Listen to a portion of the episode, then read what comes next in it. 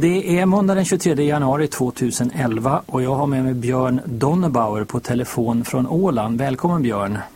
Tack ska du ha. Trevligt att få prata vid igen. Det låter gott. Björn han var tolk till Dr. Francis Schaeffer när han besökte Sverige 1973.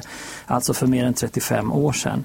Och det är Björns röst som ger den svenska översättningen när du lyssnar på Dr. Schaeffers föredrag.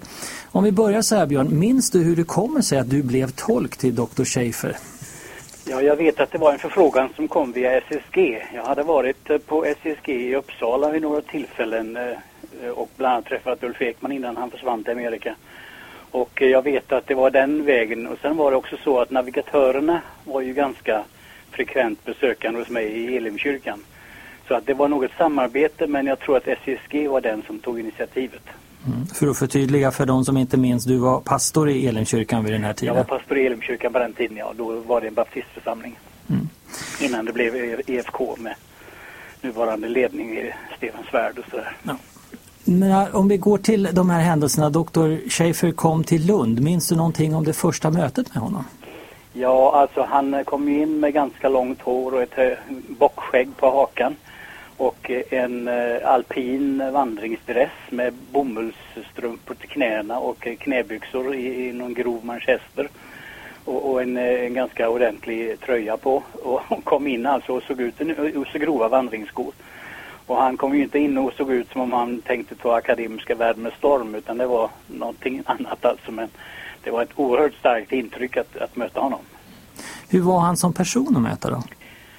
Ja, alltså, jag lyssnade just nu idag på den här sjätte och sista delen. Och där så säger han då att vi måste som kristna, vi måste vara praktiserande i vår tro. Och det betyder att vi möter varje människa som om hon vore, som om vi verkligen var kristna, det vill säga att den människan var värdefull för Gud. Och det kan jag nog säga att det karaktäriserar hans sätt att vara. Alltså han, han hade förmågan att eh, i tio sekunders handslag med en människa ger den människan en känsla av egenvärde. Och det var nog det mest bestående intrycket. Han har ju en rätt pipig röst där när han talar. Och han, han, eh, han är ju inte alls eh, någon slags eh, stor estradör utan han är ju allt annat än det. Men alltså han hade ju ett fascinerande personlighet måste jag säga. Hur förberedde ni föreläsningarna? Vilken chans hade du att veta i förväg vad som skulle sägas? Alltså jag hade inget manuskript. Jag hade ingenting annat än hans böcker tillgängliga, de som var utkomna på engelska då. Och de hade jag läst in mig på innan dess jag kom ner. Jag hade alltså läst Chef långt innan jag fick höra talas om att han skulle komma till Sverige så det var inget nytt i sig men jag läste igenom dem igen då. Men han visade mig aldrig något manuskript utan vi eh, började där på Akademiska föreningen och så var det full go från word one alltså. Det var bara att köra.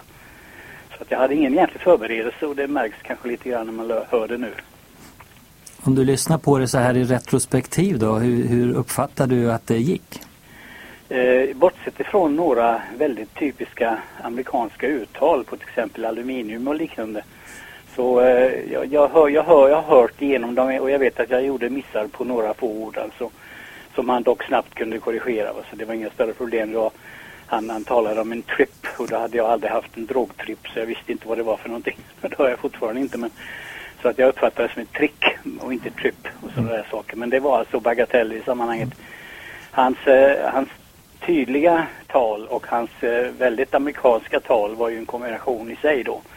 Men jag upplevde att det flöt väldigt bra. I vilken lokal var det som föreläsningarna hölls? Vi befann oss i en eh, stor sal i Akademiska föreningen i Lund. Och eh, Per Block hade några eh, föreläsningskvällar i ett parallellrum där, där han körde en ganska, vad vi skulle kalla för liberalteologisk linje med någonting han höll på med där. Och jag tror att han hade väl max 20 åhörare per kväll och hos Francis Schäfer var det väl smockfullt i lokalen. Jag tror att det rör sig om 400 personer någonting. Hur var stämningen då? Ja, alltså det var ju en oerhörd nyfikenhet på Francis Schaeffer. Alltså det var stod ju folk i, i dörrarna och gångarna som inte fick sittplats och så. Så att jag minns att det var mycket, mycket välbesökt. Och sen var det eftersits varje kväll. Och då flöt det ju med alltså hundratals människor och fyllde den lokalen vi var i. Så det var ett, det var ett oerhört tryck på själva föreläsningarna och, och de hade gjort bra reklam på SSG och, och navigatören tror jag. Så att det var, det var en fantastisk stämning och det var, det var väldigt lätt att, att vara, vara med men det var också oerhört intensivt alltså för att han utmanade ju hela den, den eh, moderna alltså svenska teologin som då inte minst representerade Lund, den blev fick sig ju ordentliga kängor. Så att han var ju, han var ju väldigt provokativ i mycket av det han sa. Det här var vad som hände på kvällarna. Vad hände under dagarna då? då så att säga? För det här, de för, föreläsningarna pågick ju i sex dagar om jag förstår det. Ja, alltså han, han eh, ägnade så, han gick och promenerade en hel del i Lund. Han träffade andra människor som, där jag inte var med några gånger. Men jag var med honom och mötte lite andra personer. Och den mest minnesvärda, det var en måltid som jag tror var hemma hos Per Staffan Johansson som sen startade Laveri i Mölle. Och då åt vi middag tillsammans med Hugo Odeberg som då var nästor och eh, nästa, han var ganska svårt sjuk redan då. Jag tror att han dog ganska kort efteråt. Och eh, det var en middag alltså, som man inte kunde glömma. Det var, det var då Per Staffan, hans fru och jag och ytterligare någon. Och sen var det Hugo Odeberg och Francis Schaeffer. Och det var ju ett eh, vårdsamtal i luthersk anda, alltså ett långt samtal. Vi höll på länge där vid den maten. Så det var sådana saker han gjorde. Alltså han mötte ganska många människor också privat, tror jag. Han hade nog en hel del som kom till honom i, i en rådgivande eller själavårdande sammanhang. Dr. Schäfer i sina föreläsningar analyserar ju sin samtid och så drog han slutsatser om riskerna och farorna för utvecklingen för framtiden. Om, om man tittar på det här i retrospektiv nu då, 35 år efteråt, eh, hur, hur väl håller det han säger? Ja, alltså i, i det här mm, sammanhanget så var han ju väldigt tydlig på risken av att vi faller i existentialismens händer framförallt. Att vi, vi anpassar så att säga skriften efter tiden och inte låter skriften bedöma tiden utan vi underordnar skriften det som sker i tiden. Och den varningen skickade han ju då till teologin och församlingarna att om man baserar hela den kristna församlingsverksamhet på den egna upplevelsens verifiering av tron och sanningen så blir Bibeln en otillgänglighet. Du kan bara ha den för egen del därför att ingenting av det du upplever kan du föra över till någon annan utan det blir en rent existentiellt förhållningssätt som naturligtvis också saknar alla dessa imperativ. Om jag inte upplever att jag inte ska hjälpa dig så gör jag inte det medan skriften säger du ska hjälpa din nästa.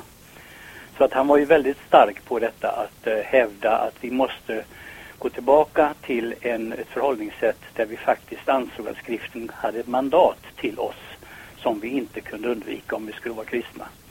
Och hans analys har ju definitivt alltså uppfyllts i 100 procent. Alltså vi har ju idag en, en kristenhet som å ena sidan har tappat ankaret i skriften och å andra sidan eh, förankrat sig i emotionella upplevelser och där har det ju gått riktigt snett på en del håll då och eh, idag så är det ju nästan ingenting utav det som Schaefer faktiskt slogs för som man, man ser förfäktas av kyrkorna idag, i alla fall inte i flertalet. Hade du någon kontakt med Dr. Schaefer efter de här föreläsningarna? Jag träffade hans, eh, svå, hans svärson Odo Middelman på en annan föreläsningsserie också någonstans i Sverige eh, en, ett år eller så efteråt. Och eh, Odo Middelman var tysk, alltså hade gift sig med en av Francis döttrar. Och jag hade lite grann kontakt med Labri och sen när Labri började i Sverige hade jag lite kontakt där. Men direkt med Francis Schäfer hade jag inte någon mer kontakt. Är det någonting annat som du skulle vilja tillägga när du liksom tänker på det här nu i, i så många år efteråt? Ja, det var ju en, eh, det var ju en höjdpunkt så tillvida att det var väl kanske den den tydligaste mötet mellan å ena sidan en ganska så starkt eh, intellektuell inriktning på, på de, de, de andliga frågorna. Men också samtidigt då så var det ju en, en eh, demonstration av att det är förenligt. Alltså det går att vara en, en varmt andlig människa och en intellektuellt ärbar människa samtidigt. Det, det var nog det starkaste intrycket jag hade av honom. Och han gav väl lite grann hopp om att vi skulle kunna komma till en kristenhet där människor visste vad de trodde och förstod varför de trodde men inte bara hade huvudet fullt utan också levde det de trodde. Så att det var nog det starkaste intrycket och jag, jag hade hoppades ganska många gånger att han skulle ha möjlighet att komma tillbaka till Skandinavien i olika sammanhang. Men jag var aldrig i någon församling som var tillräckligt eh, intresserad av den frågeställningen för att kunna genomföra det. Tack så jättemycket Björn. Det var intressant att höra vad du hade att berätta från dina minnen. Ja, jag tackar dig för att jag fick, ställa, fick svara på frågorna. det låter gott. Ha det ja. så bra. Lycka till. Hej. Hej.